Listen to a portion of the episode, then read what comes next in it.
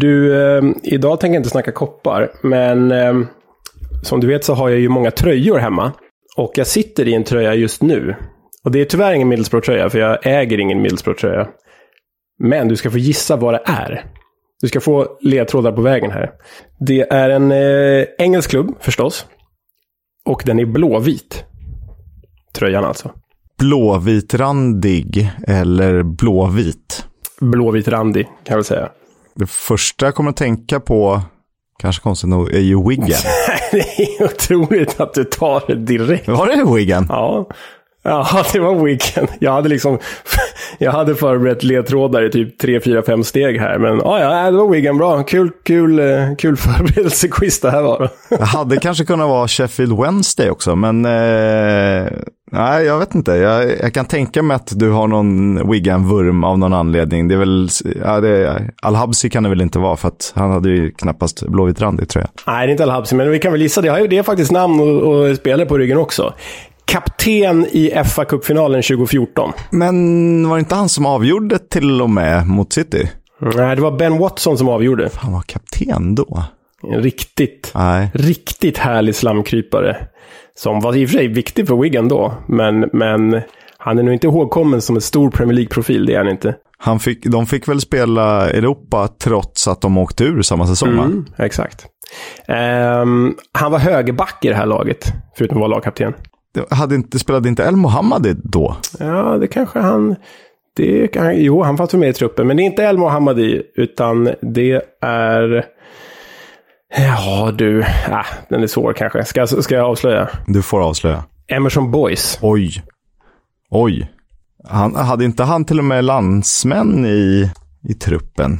Jag vet inte. Emerson Boys spelade väl typ för Barbados? Ja. Gjorde han inte det? Jag har för mig att de, de var två. Men det kan, vara, kan ha varit i något annat sammanhang. Ja, jag gillade det Wigan i alla fall. Slå City i fa Cup-finalen och massa obskyra spelare och nationaliteter i det där gänget. Paul Scharner bland annat. Det gillar man ju. Han hade en fantastisk frisyr. Eh, han hade väl eh, ganska kort hår, men delade, delade färger. Han var svart på ena sidan och vit på andra sidan. Som ett, ja, då, eh, dåliga schackrutor på något sätt. ja, men exakt så. Eh, Tottenham vann med 9-1. Eller blev det 8-1? Ja, just det. Erik Edman-matchen. Erik Edman eh, special. Bra, Wiggen. Oj. Kul. Det är klart vi måste ha det. Det är klart han ska ha. Eh, han ska, han, vi kan garantera att han slipper prata om den matchen, även om jag gärna pratar om hur bra Nico Crunch är. Det är klart han måste prata om den matchen. Snyggt. Jag är redo att köra igång. Mm, let's.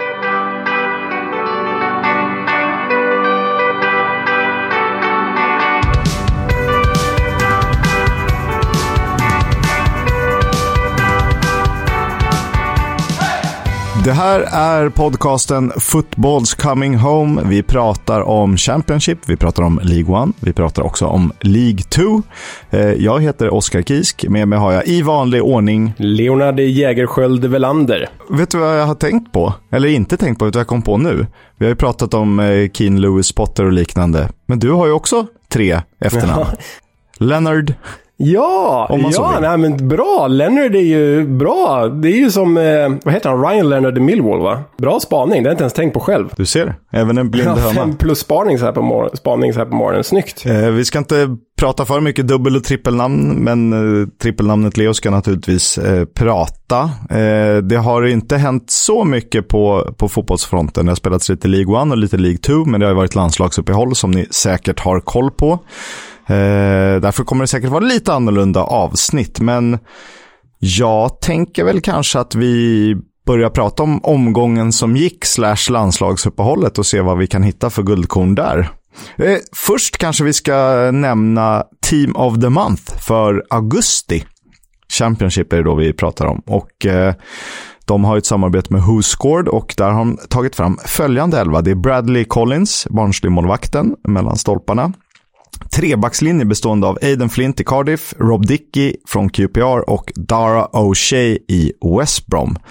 Sen har de Maxime Collin, Birmingham, Alex Mowat, Fabio Carvalho, Fulham, eller West Brom respektive Fulham alltså, och Sorba Thomas från Huddersfield. Och på topp en trio bestående av Chris Willock, QPR, Alexander Mitrovic, Fulham och Carlan Grant i West Brom. Det var månadens lag för augusti för i Championship. Det är väl inte mycket ord om det där gänget eh, heller. Man tycker väl baserat på vad vi har sett och vad vi har pratat om och det vi har läst så känns det ju som att alla de där spelarna har varit väldigt framstående. Det är en väldigt spektakulär backlinje med tre mittbackar som älskar att göra mål med Flint, Dicky och O'Shea. Så ja, nej, det är väl inte mycket ord om. Nej, det, sen blir det ju alltid lustigt när du ska ta ut ett veckans eller månadens lag eh, och sen basera lite på alltså basera formationen efter spelar prestationer, för det är inte riktigt nej, så det ser nej. ut i verkliga livet. Eh, det hade varit ballar om IFL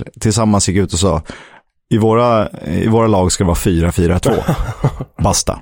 Eh, men, men så är det inte riktigt. Så nu kan du liksom ha en, eh, en wingback och en högerytter. Fast högeryttern behöver nödvändigtvis inte vara det. Men, men så har de bestämt i alla fall. Och eh, sett till spelare så är det väl inte mycket att säga. Lee Nichols i Huddersfield, möjlig kandidat där uppe eller där bak i mål. Ja, ja och sen Ryan Giles från Cardiff skulle vi kunna peta Maxim Collin på kanten där. Men ah, det är ett fint gäng. Jag tycker det, vi kan lämna det därhän. Det känns, det känns motiverat. Jag tänker att du får inleda prata lite landslag kanske? Mm. Ja, men det speciella med omgången som var, det var ju som eh, eh du nämnde här Oskar, att det var landskamper istället för The Championship. Eh, League 1 och League 2 kommer vi till strax. Men när man tar på sig landslagsögonen eller landslagsluppen så gör ju vi det i alla fall med IFL IFL-glasögon. Eh, så eh, vi har försökt liksom sammanfatta helgen som var, lite kortfattat, ur ett eh, Championship League 1 och League 2-perspektiv. Och det jag landade på först, den stora nyheten, det var väl i Englands seger mot Andorra med 4-0. Så startade Sam Johnston i mål, West Bromwich målvakt. Och han var alltså den första Championship-spelare att starta för det engelska landslaget sedan Jack Butland, då Stoke-målvakt, gjorde det 2018. Ehm, det var ju liksom Championship-rubriken i det laget, men Annars fanns det faktiskt flera fina inslag i den engelska truppen med spelare som har vandrat upp ur Englands lägre divisioner för att etablera sig på högsta nivå i Premier League eh, och även det engelska landslaget. Jag tänker på Kieran Trippier som, som varit i Barnsley och Burnley. Connor Cody med bakgrund i Sheffield United, Huddersfield och Wolverhampton. Tyrone Mings som spelat A-lagsfotboll för Chippenham, Ipswich och Aston Villa i de lägre divisionerna. Jude Bellingham med genombrottet i Birmingham förstås. Patrick Bamford som nu gör succé i Leeds men dessförinnan harvat i Nottingham Forest, MK Dons, Derby och Middlesbrough. Och då förstås även Jack Grealish som eh, ju ja, fick sitt stora, stora genombrott när Aston Villa spelade i The Championship. Det är, det är roligt. Eh, sen kan man ju tycka att det, det är fascinerande att engelska landslaget som ändå tog sig till en EM-final ska behöva ha starta med en målvakt från The Championship. Ja, ja, verkligen. Men det är ju det är väl lite dubbelt det där. Det, å ena sidan är det ju den, det engelska landslagets förbannelse. Visst, de har haft stora namn som David Seaman och Nigel Martin och David James och Paul Robinson. Men hur bra har de egentligen varit? Så det är ju den här engelska målvaktsförbannelsen att de kanske inte alltid har särskilt bra målvakter, å ena sidan. Å andra sidan så är ju Sam Johnston en tillräckligt bra målvakt för att knipa en ordinarie tröja i ja, med hälften av Premier League-lagen. Det är bara det att han spelar i West Brom som åkte ur Premier League. De fick fallskärm från Premier League och de har råd att behålla honom. Så det blir, det, ja, det är ju lite dubbelt där. Det är ju faktiskt en bra målvakt fast han spelar i The Championship. Det är det. Jag tänker alltid så här, ja men han är nog en av eh, Championships bästa målvakter. Men så kom jag på mig själv att vi stod i ligaguiden och pratade om hälften av alla målvakter var en av ligans bästa målvakter. så att, jag vet inte, vi, jag kanske får lugna mig lite där. Det finns många att välja, men han är ju absolut där uppe och eh, av de som kandiderade till månadens lag så kommer ju även Robin Olsen in till Sheffield United och eh, eh, lär ju vara och aspirera på en sån, om man kan hålla sin jämna nivå från mästerskapssuccéerna som man ändå får kalla det. Mm, och jag såg faktiskt där nu eh, under det här landslagsuppehållet att The Blades är ju inte sena med att trycka på att de har Sveriges landslagsetta. För varje liten grej han gjorde i landslaget så var, de, var The Blades ute med sitt Twitterkonto. Bara, Vi har Sveriges landslagsmålvakt, we got number one, Swedish Viking, hur mycket som helst på The Blades Twitter om, om eh, Robin Olsen. Eh, och framförallt seger mot Spanien då. Men, men han verkar också väldigt uppskattad för, utan att ha spelat än. För läser man i kommentatorsfältet där kommenteringsfältet eh, på Twitter så är det massa fans som ja, men jublar över värvningar redan utan att han gjort en minut på Bramall Lane än. Ja, det gillar man ju ändå. Eh, de förhoppningarna som, som spelas upp här och vilken nivå han förväntas ta utan att ens ha, har knappt visat sig i, i England, eh, om man inte precis åkt dit. Ja, nej, verkligen. Annars, eh, om vi ska fortsätta den här landslagsodyssén, så fastnade jag för det synnerligen obekväma resultatet mellan Irland och Azerbajdzjan. Irland fick alltså 1-1 hemma mot azerierna.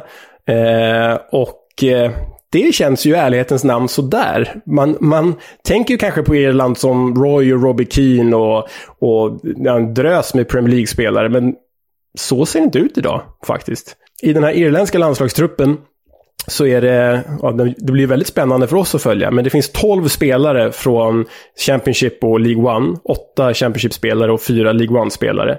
Så det är ju ett roligt gäng för oss att hålla koll på. Men de är ju fasligt bedrövliga. Jag vet inte om Irland har varit så här dåliga under hela din och min livstid. Om jag ska vara ärlig. Nej, de gjorde väl något liknande resultat. När var det? Var det mot Luxemburg i våras? Ja, de, de förlorade mot Luxemburg, ja. Exakt. Så att eh, någonting är ju, är ju ruttet i systemet. Sen om det beror på att spelarnivån inte hänger med många andra landslags utveckling eller om det, om det är något annat, det, det låter jag vara osagt. Men det känns ju ändå som Irland med historia av liksom, sammanhållning någonstans. Eh, eller har tvingats till sammanhållning i vissa, vissa delar borde kunna skrapa ihop något vassare. Och lite, så Championship är inte en dålig liga. Så att, ja, höjer. Ja, men verkligen. De har ju ett hyfsat kompetent manskap idag. Men jag har en spaning här som du får, som du eh, får säga vad du vill om. Men jag kommer dra den. Eh, det har ju varit så de senaste åren att det är många spelare som haft möjlighet att spela för irländska landslaget som istället har valt England. Och eh, jag gick igenom lite olika spelarnationaliteter och spelartrupper och sådär. Och har faktiskt satt ihop en startelva med spelare som har nobbat det irländska landslaget för att istället representera eh, England. Och häng med nu, för jag tycker att det här, det här är en bra elva. I mål, eh, Alex McCarthy, Southampton. Högerback, Kyle Norton, han är väl i Swansea. Mittbackspar, här är det starkt. Harry Maguire, som har irländska mor eller farföräldrar. Och Michael Keane, Everton. Och Michael Keane har ju alltså till och med spelat ungdomslandskamper för Irland, men eh, ändå valt att representera England. Vänsterbacken, svagast i den här uppställningen, John Flanagan, tidigare Liverpool-produkt som nu spelar i belgiska Charleroi. Sen kommer vi till mittfältet, Oskar. Det är tre man mittfält.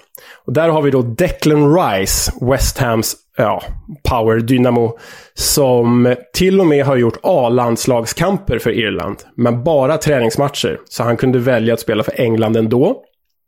Och utöver honom hittar vi på det här mittfältet James Madison Leicester och Jack Grealish som också gjort eh, ungdomslandskamper för Irland men ändå valde eh, England. Och han är ju, ja, som ni vet, en firad superstjärna i Premier League idag.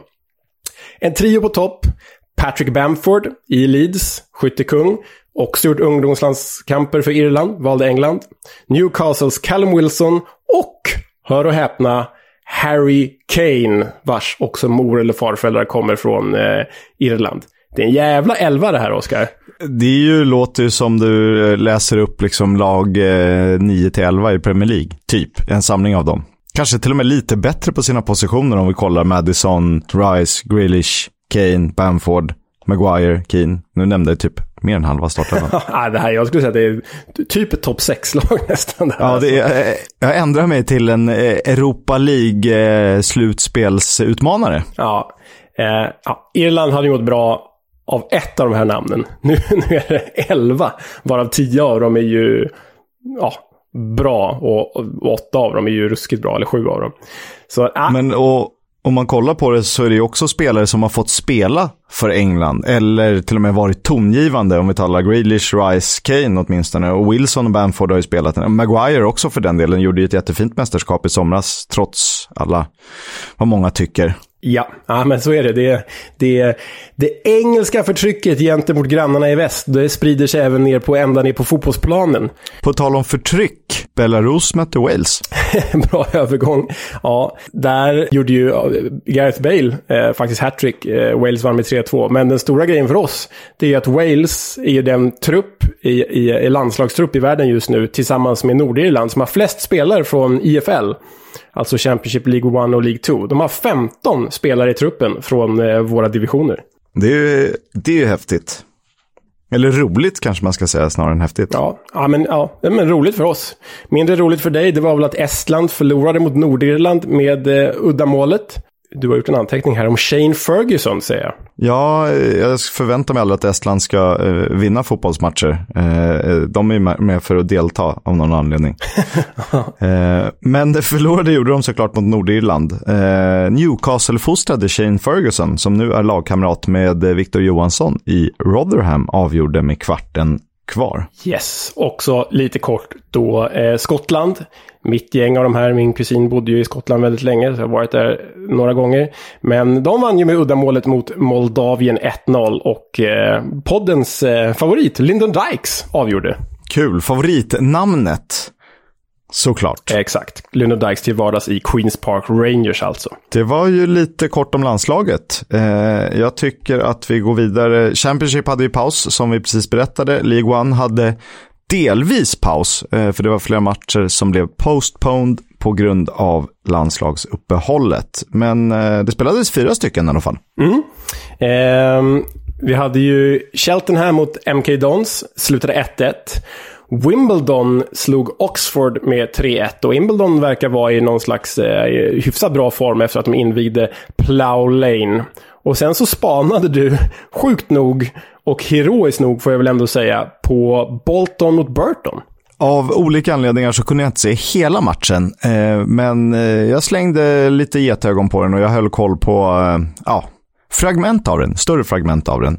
Eh, och det handlade väldigt, väldigt mycket om Bolton, som man hade kunnat gissa. Även om eh, Burton hade haft eh, serieledningen vid seger. Det, Burton är väl trea eller fyra, något sånt där. Bolton något längre ner, dock bara typ två poäng bakom, eller tre poäng bakom, något sånt där. Det var 75-25 i bollinnehav, 25-10 i avslut, varav 5-1 i skott på mål. Bolton var alltså hemmalag. Dessutom hade de en boll inne och den går absolut att diskutera. Jag tycker att den här podden kanske inte är rätt forum för det, men Bolton har en spelare som står offside när skottet avlossas. Jag tycker inte att han påverkar spelet nämnvärt, men han är ändå i trakterna kring försvarare och målvakt. Och även om eh, Burtons målvakt Ben Garrett inte hade kunnat nå bollen så är han ju där och stör och det är en definitionsfråga. Så att jag kan förstå båda sidor. Men Bolton gjorde mål, firade, Burton-spelarna var tokiga, eh, domaren sprang ut till sin assisterande kompis vid sidlinjen och eh, vinkade för offside helt enkelt. Nu vet ni det.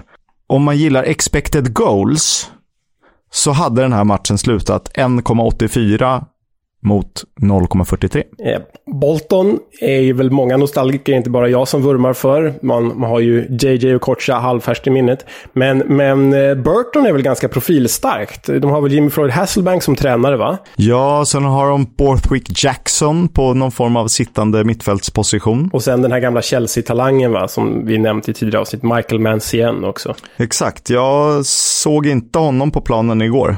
Uh, okay. Vad heter han då? Eh, Connor Shaughnessy.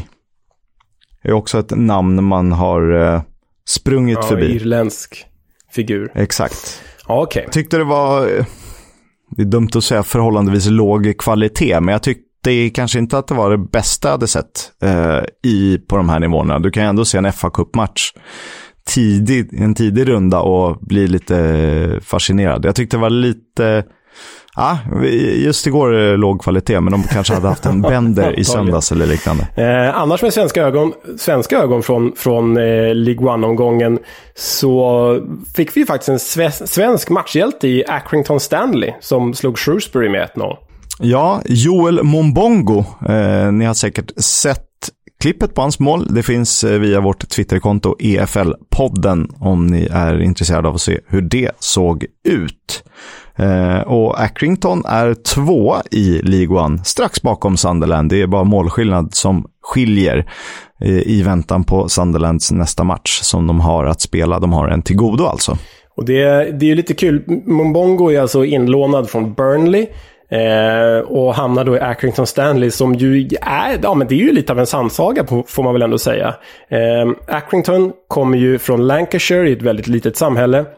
Och har en väldigt liten arena. Wham Stadium, som inte har med George Michael att göra, eller bandet. Men Wham Stadium tar eh, drygt 5000 åskådare. Och Accrington Stanley gick alltså upp i League One så sent som säsongen 2018-2019. Och då var det deras första säsong i tredje divisionen sedan 1959-1960. Det är ganska lång tid däremellan. Det är, det är så lång tid tillbaka till och med Tottenham kunde vi, vinna ligatitlar då. Ja, exakt. Och eh, Accrington Stanley eh, ligger ju alltså och nosar på topposition som Oskar sa. Och de, trots att de då har näst minst värderad trupp i hela League One och en av ligans minsta budgetar överhuvudtaget. Utöver att då kanske göra sin claim to fame nu genom eh, Joel Mumbongo så är de annars mest kända för eh, den här mjölkreklamen som eh, spreds i Storbritannien på slutet av 80-talet, tidigt 90-tal. Got any lemonade? He wants.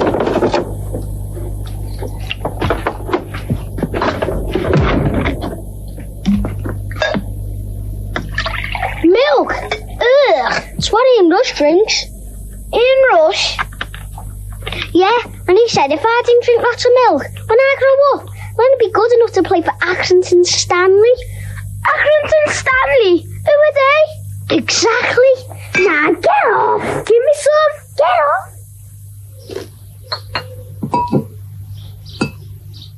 Det, det, är lite så jag känner. Jag får väldigt starka football manager-vibbar. Att man, det är lag som man alltid har vetat vad de har hetat, men du har inte behövt ha någon större koll på, på spelartrupp eller liknande. Det finns ju, det finns ju ett gäng sådana. Vi, vi ska inte rabbla alla, men eh, just Accrington Stanley är ett sånt lag. Cheltenham också. Man ser att liksom i någon FA-cup-snurra där Ja, verkligen. Men det är ju väldigt hårt att deras, liksom, när de var som mest kända i, i, i landet så var det för att en mjölkreklam drev med dem. Det, ja, genom Ian Rush då också. Så ja, det är en rolig detalj som vi plockar fram ur arkivet. League 2 då? Mm. Eh, där var det ju fler matcher som spelades. Det var ju, beror förstås på att det var färre landslagsspelare eh, som var iväg. Men det vi kan konstatera där, utan att fastna för mycket i den engelska fyran, Eh, det är ju att Harrogate Town och den veganska klubben Forest Green Rovers toppar tabellen på 13 poäng var. Eh, detta samtidigt som Sutton är tabelljumbo med Jamie Hopcats Oldham eh, precis framför sig.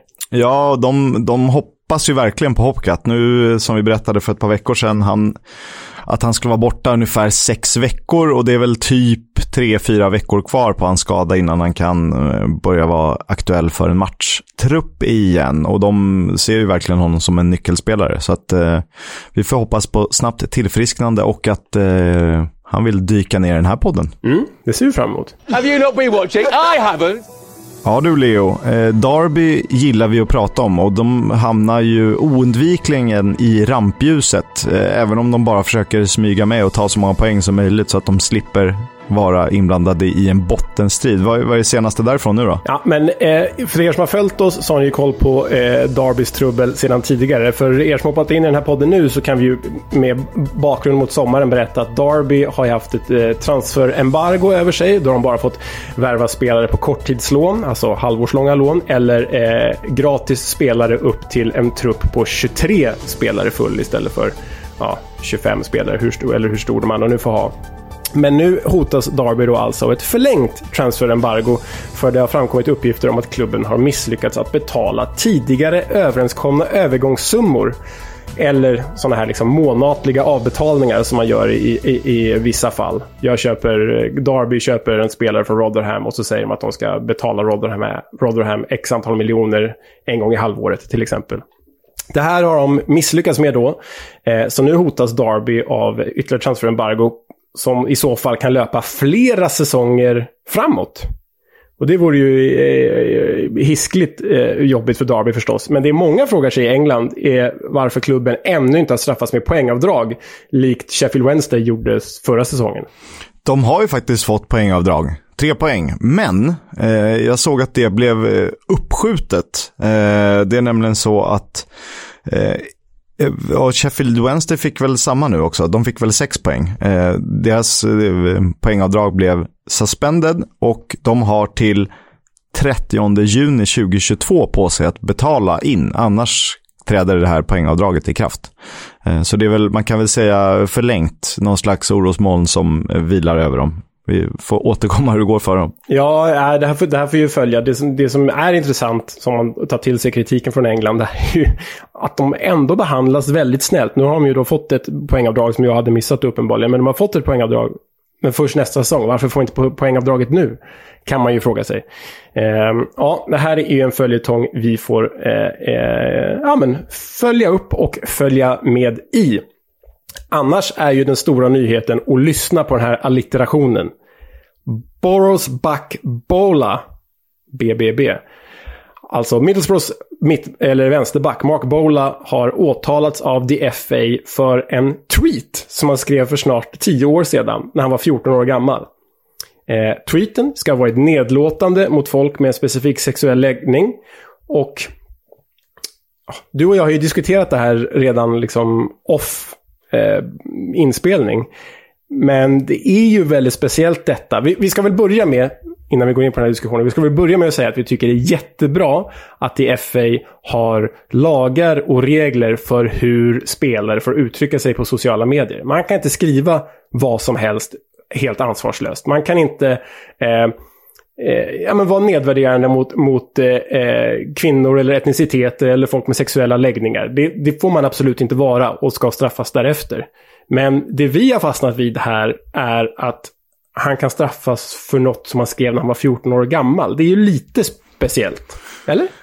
Ja, alltså grundproblemet är ju vad han har skrivit. Det är ju liksom, och det måste man komma ifrån. Där eller han måste komma ifrån det, eller alla måste komma ifrån det. Eh, man ska inte uttrycka sig på det sättet. Det hör inte hemma i den här fotbollsvärlden, absolut inte.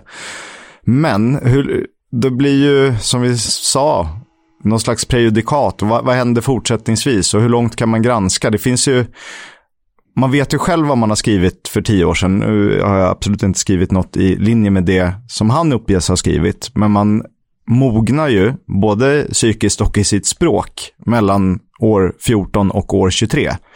Eh, och han hade förmodligen inte uttryckt sig på samma sätt idag, eh, om han ens har sociala medier kvar.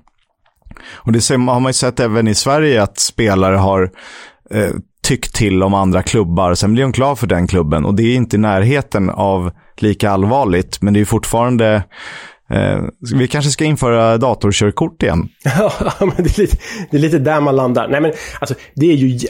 Hade Mark Bola uttryckt sig så här idag på sociala medier, då, då är jag till och med för en avstängning. Att då ska han inte få spela på x antal matcher. För det, det, är ju, det är ju hemskt det han har skrivit. Det är hemskt. Men det är också i mina ögon skillnad på en 14-åring som gör det och en 23-åring som gör det som du är inne på. Det hinner hända någonting där. Förhoppningsvis i människan i fråga. Nu känner varken du eller jag Mark Bola, så alltså. han kanske är lika trångsynt idag. Eller så har han förhoppningsvis utvecklats. Det kan inte vi svara på. Och det är bra att regelverket finns, men man borde kanske ta i beaktande att det här skedde när han var 14 år gammal och inte 23 år gammal som han är idag. Ja, och det, på något sätt, det är ju en, en eh, liksom, samhällsdiskussion. Förr i tiden kunde folk bygga hus när de var 16 år. Idag kan man knappt eh, koka kaffe. Men du tvingas ta ansvar för dina handlingar tidigare idag. Eller de lever kvar för eftervärlden på ett annat sätt i och med sociala medier och eh, vad nätet har gjort senaste, ja, vad ska man säga då, 20 åren eller 25 åren. Eh, nu låter jag som en eh, gubbe, men det får jag väl vara då. Jag tycker att det är svårt. Ska de straffa honom? Okej, ska de plötsligt gå in och leta i folks telefoner då, vad som har skrivits hela tiden. Hur, hur långt ska det här sträcka sig? Ja, nej men det, det, det, vi, har, vi, ska väl säga, vi säger väl så här, vi har inte ett självklart svar på det här och vi är ju för regelverket i grunden när det handlar om saker som sker här och nu. Och vi är för att, att man faktiskt sätter stopp för den här typen av uttryck och, och, och ja, men förtryck egentligen. Det är ju ett förtryck att, att skriva så som Mark Bola gjorde.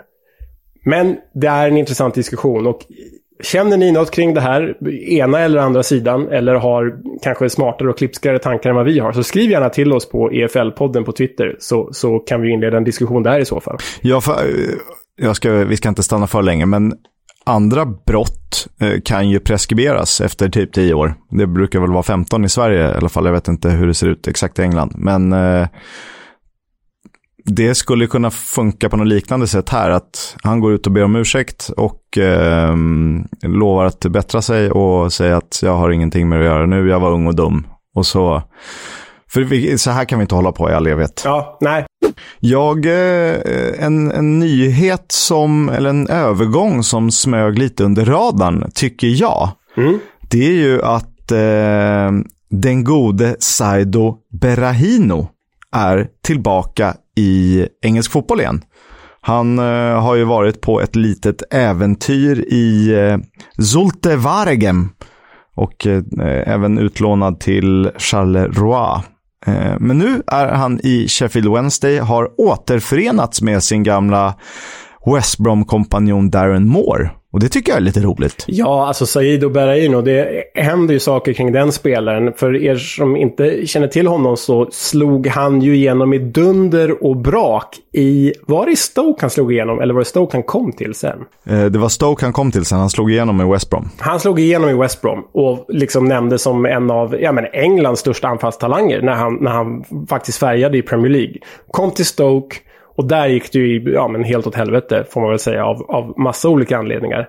Och istället för att bli någon slags engelsk landslagsman som folk hoppades på så blev han väl landslagsman för Burundi, eller hur? Vad har vi på Burundis landslag egentligen? Ah, det, enda, det enda andra jag har där är den här mittfältaren Gael Bigrimana som slog igenom i Newcastle för tio år sedan kanske.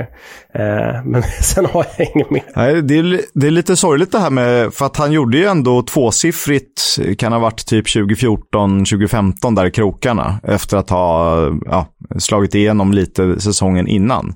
Och då bevisar han, där och då höll han ju för nivån. Och nu gör han ju inte mycket mål. Nej, nej, alltså misslyckas man i Sote Vargem och Charleroi i belgiska ligan då, då kanske det är League One som är platsen för honom. Men vi hoppas ju förstås på att det ska gå bra för Saido Berraino och Sheffield Wednesday. Det är en klubb vi gärna ser högre upp i systemet och Saido Berraino drar ju med sig rubriker. Så ja, det är en kul övergång. Den gillar vi. Det är ju eh, så med spelare, det vet man ju själv. Har du, en, har du förtroende från en tränare och känner du förtroende för en tränare så är det ju lättare att prestera bättre och, och sänka axlarna och, och göra jobbet än om du ja, spelar under en manager som kanske inte riktigt ser dig som given på det sättet.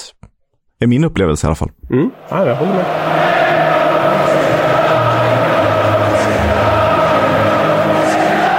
Footballs Coming Home sponsras av Stryktipset. Ett spel från Svenska Spel, Sport och Casino för dig över 18 år. Stödlinjen.se. Ja, äntligen. Jag brukar ju se landslagsuppehållen som min lilla eh, vilovecka. Jag vet att eh, du har fullt upp på jobbet, men för mig är det tid för kontemplation och, och tänka igenom vad, blicka framåt. Och det ska jag göra nu, för i helgen är det riktig engelsk fotboll igen. Och jag fastnade lite vid Blackpool Fulham lördag 16.00 och då tänker de, aha, det är botten mot toppen, han är så tråkig. Ja, det är lätt att hamna där, men jag tycker att det är lite bredare än så.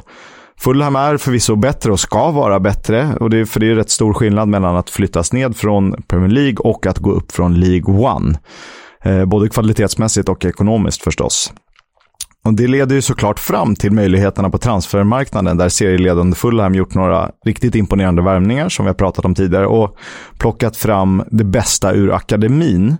Eh, Blackpool, de står för ett av de svagare fönster och är man ett nyligen League One-lag så är det ganska lätt att man värvar från den hyllan och det är väl lite där man landar. Eh, här hittar jag lite intressanta fakta. Blackpool har inte vunnit en match i Championship sedan januari 2015. Och då tänker ni, oj, men de har ju varit på eh, resa söderöver i i, tabellsystem, i seriesystemet.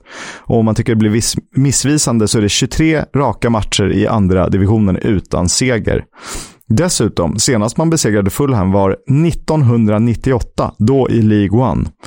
Eh, Blackpool har meriter den här säsongen, det är två kryss och Fulham har ju alltså vunnit fyra matcher och spelat en oavgjord. Så att det barkar ju åt ett håll, men det är då, eh, det är då man får jaga skrällar och liknande. Eh, Leo, har du någon, hittat något intressant i helgen? Ja, förutom att du har jinxat mitt kära Fulham nu, din jävel, så, så eh, finns det ju faktiskt en, det är en väldigt trevlig omgång att se fram emot. Dels möter ju eh, Victor Gyökeres Coventry, tar sig an Middlesbrough. Det är Robin Olsen förväntas ju debutera på Bramall Lane när Sheffield United möter Peterborough. Eh, vi har ju något slags låtsasderby mellan Reading och QPR, Hoops-derbyt. Men det jag verkligen fastnar för, det är ju toppmötet mellan Stoke och Huddersfield. Stoke som vi inför säsongen målade ut som en slags eh, utmanare till uppflyttningen i Premier League. Mot ett Huddersfield som har, ja, inte bara överraskat oss, utan överraskat alla. Eh, så eh, The Potters mot The Terriers känns ju som en väldigt oviss och väldigt jämn match på förhand. Eh, Carlos Corberans fina fotboll i Huddersfield verkar egentligen betala av sig. Så det ska bli spännande att se vad de kan göra i Stoke-on-Trent. Och nu har det blivit dags för det här segmentet som ja, men vi inte har ett namn för mer än ja, klubben eller The Club eller vad vi säger. Men eh, Oskar Kisk för en vecka sedan beställde lyssnarna och jag Middlesbrough Day. Take it away.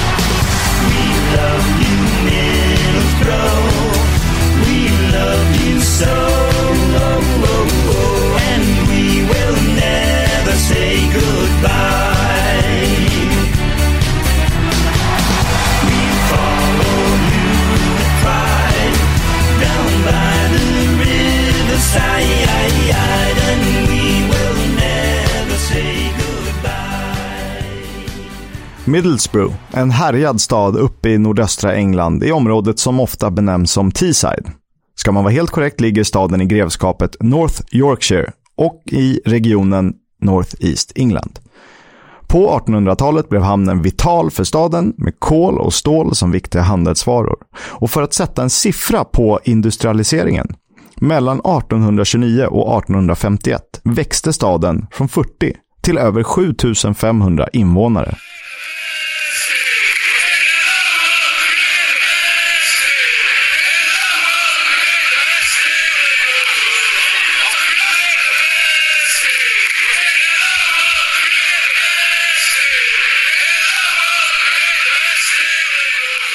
Och hur spännande jag, och även du Leo, tycker att det är med både historia och geografi, så ska vi inte fastna där.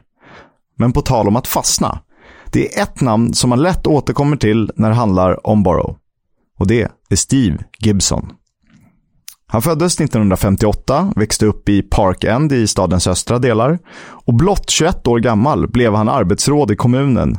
Och mindre än två år senare lånade han 1000 pund av sin pappa för att starta företaget Bulk Hall Limited. Ett företag som transporterar vätskor och gaser. Företaget eh, växte globalt som ni säkert kan gissa och år 2019 var omsättningen närmare 3 miljarder svenska kronor.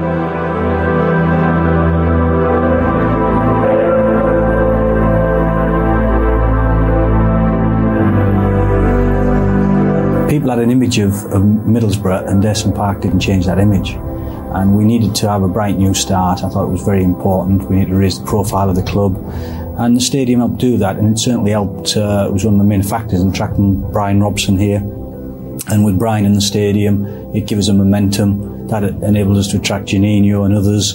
And it gave the club real momentum. Nu undrar ni säkert, vad har Steve Gibson med Middlesbrough FC att göra? Några av er kanske vet, men för att få faktan korrekt. Klubbens främsta ligaplacering var säsongen 1913-14 Alltså väldigt, väldigt länge sedan. Det är, det är, det är extremt länge sedan. Det är, det är före första världskriget.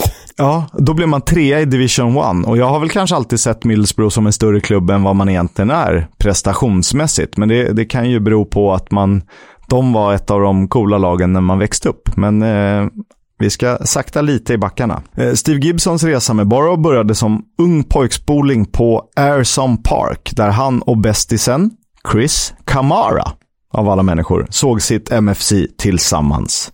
Chris Kamara är alltså Middlesbrough-fan ursprungligen. Det hade inte jag kommit Nej, och han har bara representerat Middlesbrough på lån. Eh, men han sa att det var en av hans lyckligaste stunder i livet. För att han drömde alltid om att spela i Middlesbrough och i Leeds eh, som liten kotte. Mhm. Det kan väl bara säga till våra lyssnare här, alltså, om ni inte vet vem Chris Kamara är så YouTuba, ni eh, kommer ha väldigt roligt åt eh, den mannen. But for who, Chris Kamara?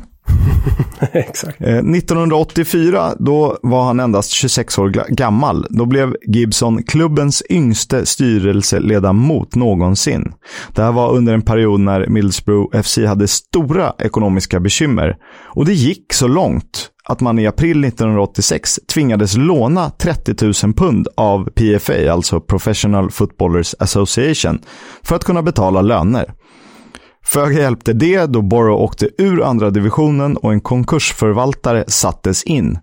Dessutom låstes grinden till Airson Park. Och för er som följer oss på Twitter, EFL-podden, så finns det en bild när Steve Gibson har öppnat låset. Där och då behövdes 350 000 pund för att få delta i Football League och klubben var verkligen på ruinens brant. Men Steve Gibson fanns. Ett konsortium med Gibson i spetsen och Colin Henderson, Graham Fordy, Reg Corbridge och Henry Moskowitz vid hans sida räddade klubbens existens med 10 minuter innan tidsfristen löpte ut. Och det var då låset knipsades upp. Men man fick inte spela på Harrison Park för att den inte var redo för spel. Så eh, kommande match spelades på Victoria Park i Hartlepool, ungefär två mil bort. Och här, eh, om jag får göra en passus här bara. Det här är alltså eh, eh klubbens räddning där 1986. Det eh, var ju så viktigt uppenbarligen. Men eh, gav så många ringar på vattnet för Middlesbrough så att klubbmärket eh, jag är ju, eh, för de som inte vet, är ju fanatisk i klubbmärken och har skrivit böcker på ämnet. Men eh, klubbmärket påverkades av det här. Så klubbmärket förändrades och eh, liksom eh, årtalet för klubbens grundande ändrades då från ursprungsårtalet som var 1886 tror jag, eller 1876 kanske, till 1986. Då stod det alltså 1986 i klubbmärket ganska länge innan det för några år sedan eh, uppdaterades till dagens emblem. Ja, eh, rätt ska ju vara rätt. Eh, och klubben gick ju aldrig i konkurs eftersom Steve Gibson fanns. Eh, det var faktiskt så att man slapp ganska mycket negativa rubriker med tanke på framgångarna på planen vid den här tiden. När eh, manager Bruce Rioch och lagkapten Tony Mowbray säkrade uppflyttning till Division 2. De var alltså nere i tredje divisionen vid den här tiden. Säsongen därpå blev man trea i andra divisionen, vilket gav en playoff-plats 1988. Kommer du ihåg hur playoff spelades på den här tiden? Med tanke på att jag var typ ett och ett halvt år då, så nej, det gör jag inte. Det var alltså trean mot fyran i andra divisionen, nuvarande Championship då, och femman mot lag 18 i Premier League, fast det var inte Premier League utan First Division då. Mm. Eh, Premier League hade för övrigt 21 lag den här säsongen, eh, så att eh, det var fler lag än nödvändigt som åkte ur. Efter att man besegrade Bradford i semifinalen mötte man Chelsea i final i dubbelmötet dubbelmöte som slutade 2-1 i Boroughs favör.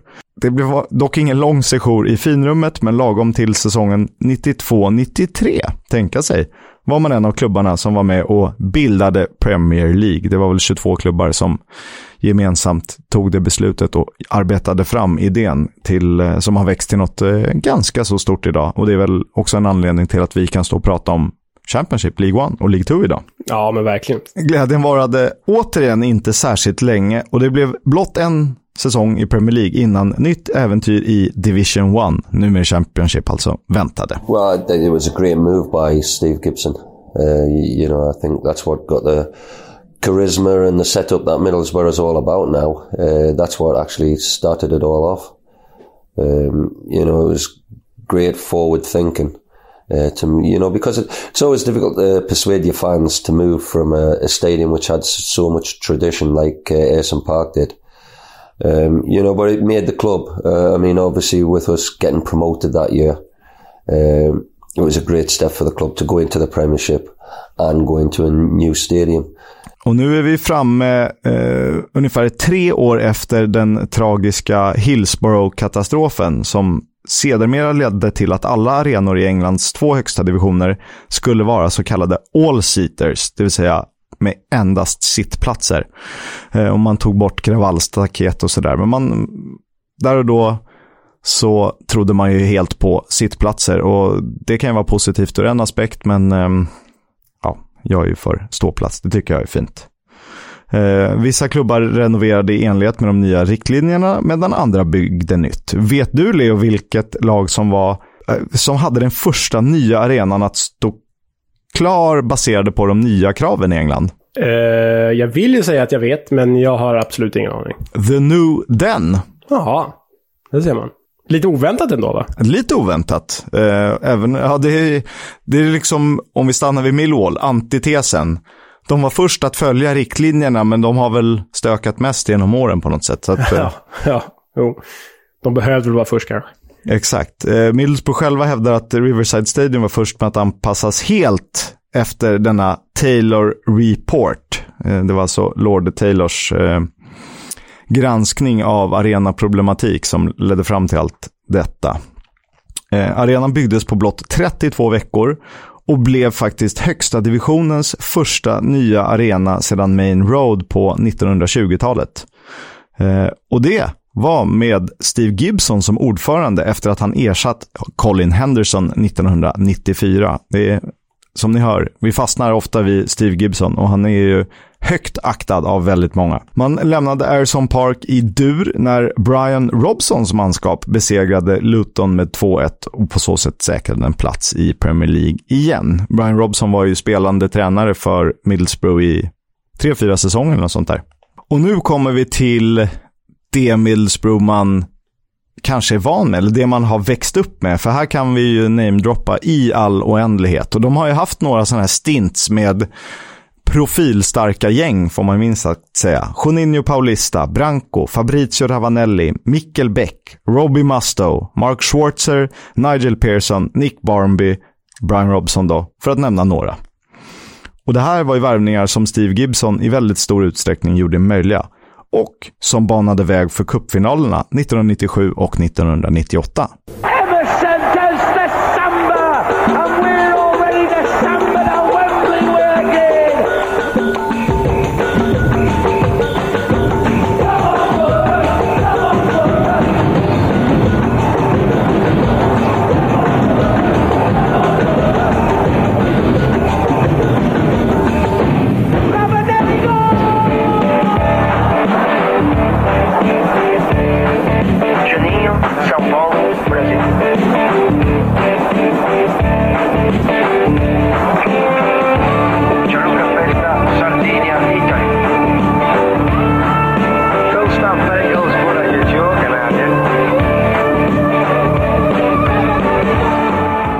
6 april 1997, ligacupfinal. Leicester Middlesbrough på Wembley. 1-1. Omspel på Hillsborough. Seger för Leicester med 1-0. 17 maj 1997, FA-cupfinal. Chelsea Middlesbrough på Wembley. 2-0. 29 mars 1998, ligacupfinal. Chelsea Middlesbrough på Wembley. 2-0. Tre raka finalförluster inom loppet av typ 358 dagar eller något sånt där. Deppigt. Ja, det är mörkt. Det, det passar ungefär med stadens ganska gråa känsla, även om jag gärna själv åker dit. Det blev dock en titel, men den kom inte förrän 2004. Det var ligacupen man vann efter seger mot Bolton. Och det var ju Viduka och Hasselbank och company som eh, löste det och tog sig till Uefa-cupfinalen 2006. Där man föll tungt mot Sevilla, såklart. Eh, och sedan säsongen 2009-10 har man tillhört The Championship, så när som på en säsong i Premier League. Och den kommer ju mest att handla om eh, spanska stjärnvärvningar och ett eh, tveksamt sammansatt lagbygge. Typ Alvaro Negredo. Antonio Barragan, Victor Valdes och så vidare och så vidare. Ja, Valdes var det. Det är otroligt. Ja, men, här- vill jag fastna lite om det, om det är okej för dig. För eh, det är något speciellt med Middlesbrough. För de, de nämns ju i den här liksom, eh, industristadstridenten där uppe i nordöst med Middlesbrough, Sunderland och eh, Newcastle. De nämns ju som det tredje hjulet och den fula ankungen. Och då vet vi, i alla fall alla vi som har liksom varit i eller sett Sunderland till I die, att Sunderland är fan inte vackert, men Middlesbrough är ännu värre. Och då undrar man, hur fasiken hamnar Juninho Paulista, Fabrizio Ravanelli där, typ samtidigt?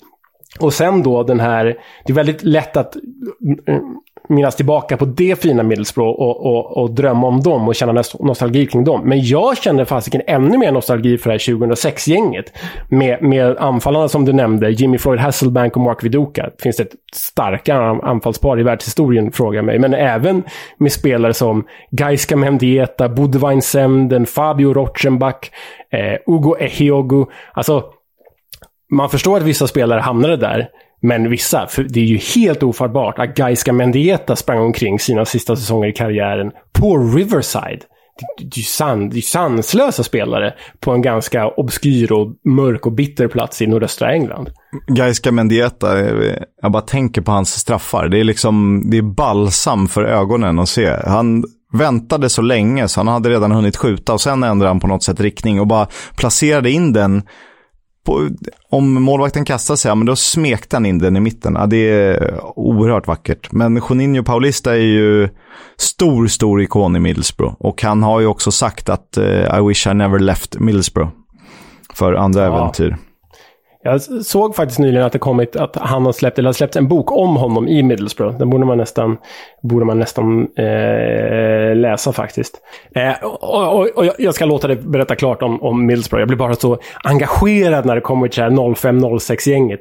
För jag såg faktiskt i morse, dagen som vi spelade in, så såg jag att Massimo Maccarone italienska anfallaren som var, ja, men han var tredje anfallare i det här Middlesbrough. Bakom Viduka och, och, och Hasselbank. Han fyller år idag. Och det var ju faktiskt ganska mycket han som, som liksom sköt Middlesbrough till den där uefa Cup-finalen. Bland annat genom att, att eh, göra mål mot rumänska Stoja Bukarest. Och då lät det så här. But here's Jimmy Downing. Downing there. Downing running beyond the fullback. Whips a great looking ball in.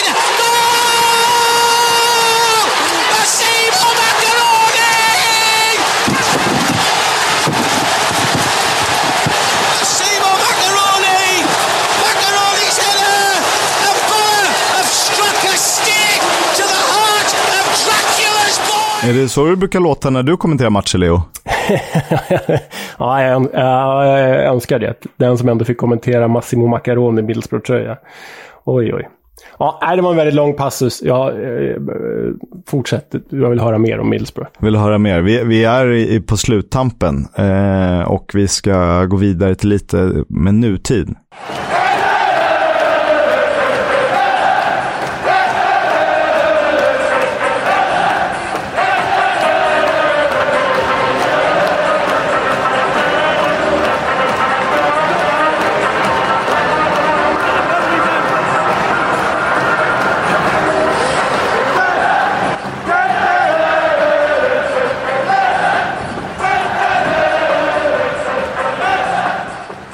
Den där ramsan känner man igen från flera olika platser. Den är ju knappast unik för Middlesbrough. De har den dock som eh, någon form av inmarschlåt. Om, men det är ganska mycket att kalla den inmarschlåt. Eh, QPR brukar köra den när de gör mål. Nu är det faktiskt så att poddfavoriten Neil Warnock leder laget på planen och Steve Gibson fortsätter att vara omtyckt ordförande och majoritetsägare som får styra sitt älskade Borough.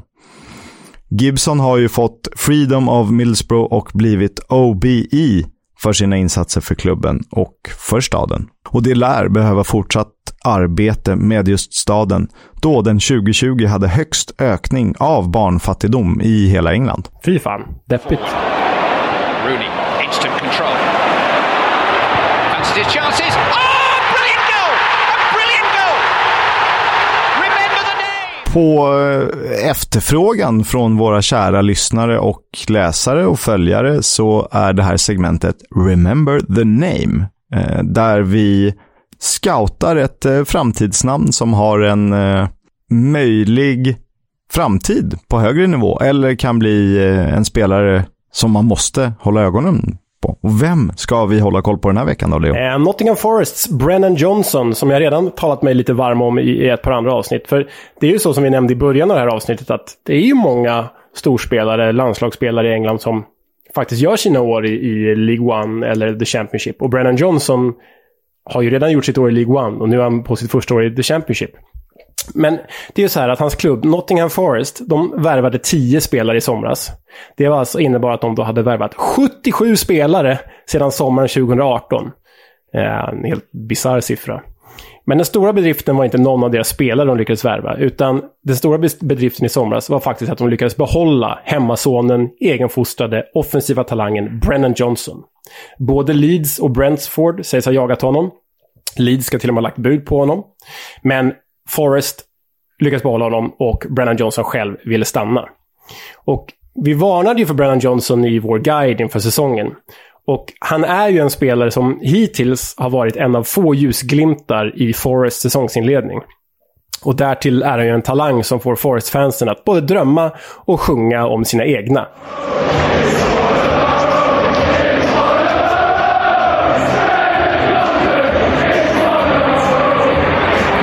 Och i en sån här Remember the name eller scoutrapport eller vad vi ska kalla det så bör vi väl inledningsvis förklara att Brennan Johnson han gör sig bäst som en offensiv mittfältare, centralt spelande bakom anfallaren, eller ibland ute på kanten. Och anledningen till att den här 20-åringen har fått så stort förtroende under säsongen i, i Chris Hutons Nottingham Forest, det är hans stora succé i Lincoln City i League One förra säsongen. 10 mål på 40 matcher blev det då och snudd på uppflyttning för The Imps. Brennan Johnson väldigt hyllad där alltså. Um, idag, fem matcher in i säsongen, har han redan bidragit med en framspelning i premiär mot Coventry och ett mål. Och målet kom ju faktiskt i derbyt mot Derby i senaste omgången. Burn confirmed there. Yellow card of this game. And it's going to pop through Johnson! It's 1-1! What a time to strike your first Forest goal! And the away end has erupted with noise!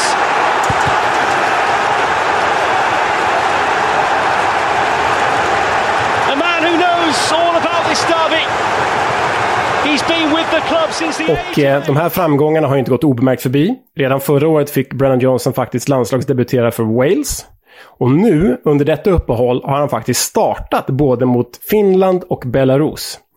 Något som fick självaste David Beckham att höra av sig på Instagram till Brennan Johnson.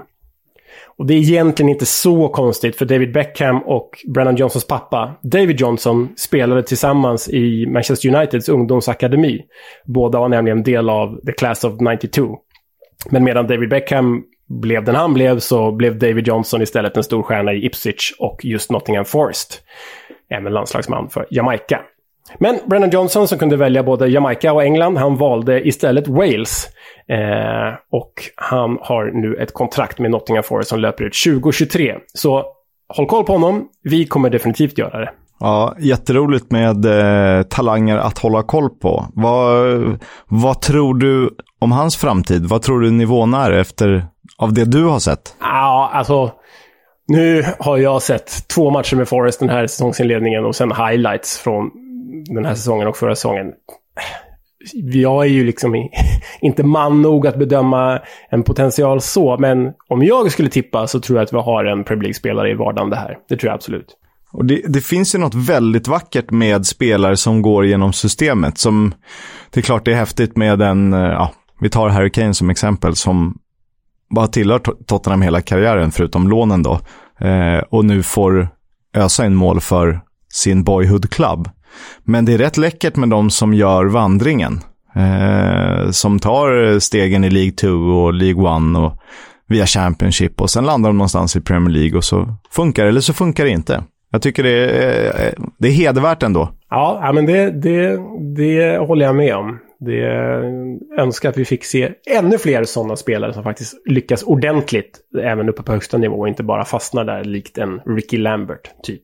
Vi gillar ju våra Jordan Rhodes karaktärer annars. Det gör vi, verkligen. We'll have a chat about the fucking game. About your game, last few months, last few weeks. Fucking character.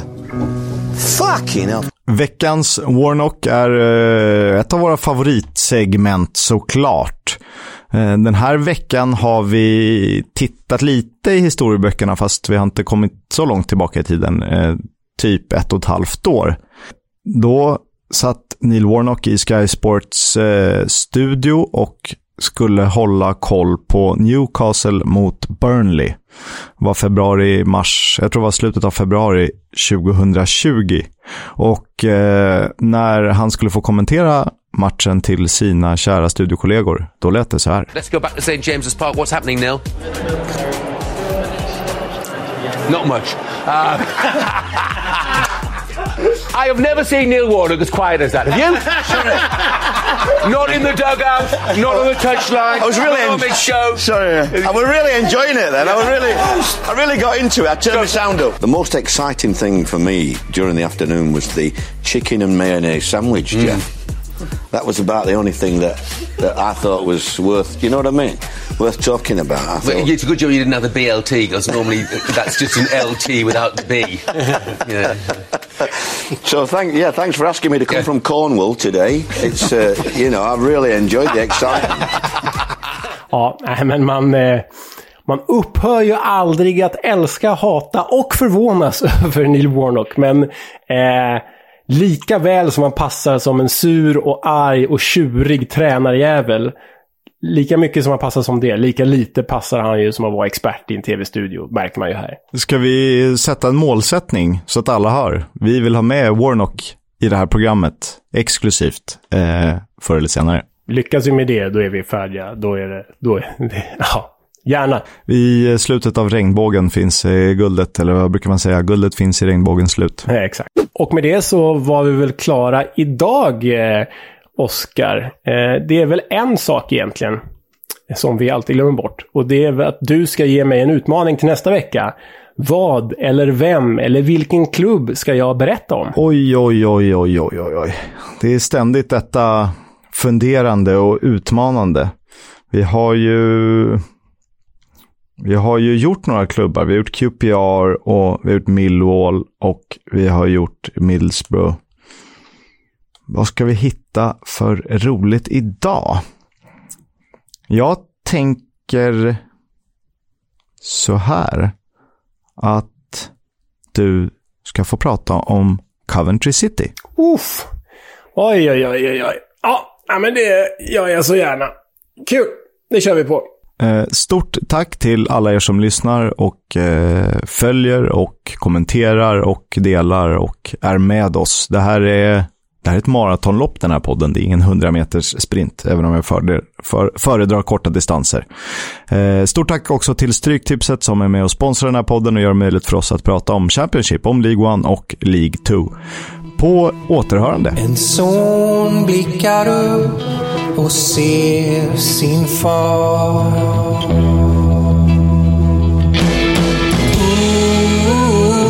Oupptäckta vägar, de han tar.